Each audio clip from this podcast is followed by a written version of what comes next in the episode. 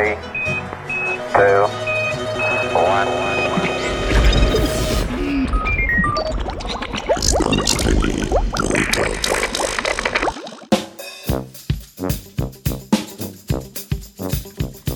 Peroksid proti ušem.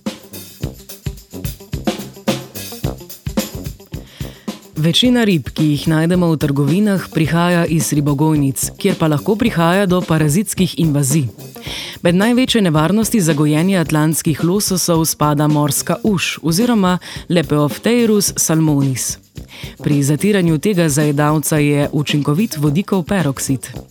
Norveška raziskovalna skupina je v reviji Aquaculture objavila izsledke raziskave o vplivu vodikovega peroksida na atlantske losose. Ugotovila je, da vodikov peroksid kože vidno ne poškoduje, vendar pa se koža po izpostavljenosti počasneje obnavlja.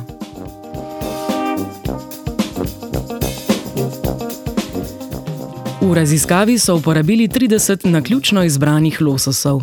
Prvo polovico lososov so okopali v vodni kopeli z visokim odmerkom vodikovega peroksida.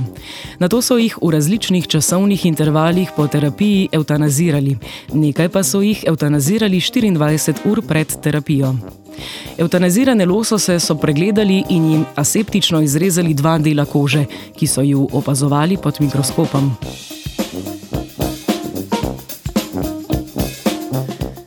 Prostim očesom na koži lososov niso opazili sprememb, ki pa so bile vidne pod mikroskopom, saj je bila površina povrhnice kože poškodovana in je veliko keratocitov z nje izginilo.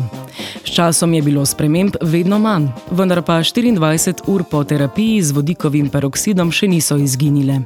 Povečala se je tudi raven kortizola, ki je v 24 urah prešla nazaj na normalno vrednost, kar kaže na to, da je do tega prišlo zaradi prehodnega stresa.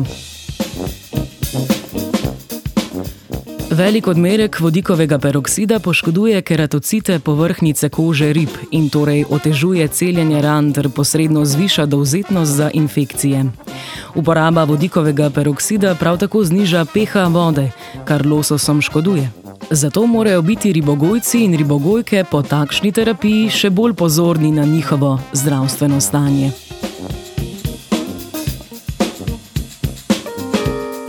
V vodikovem peroksidu se ne bi kopala živa. Three, two,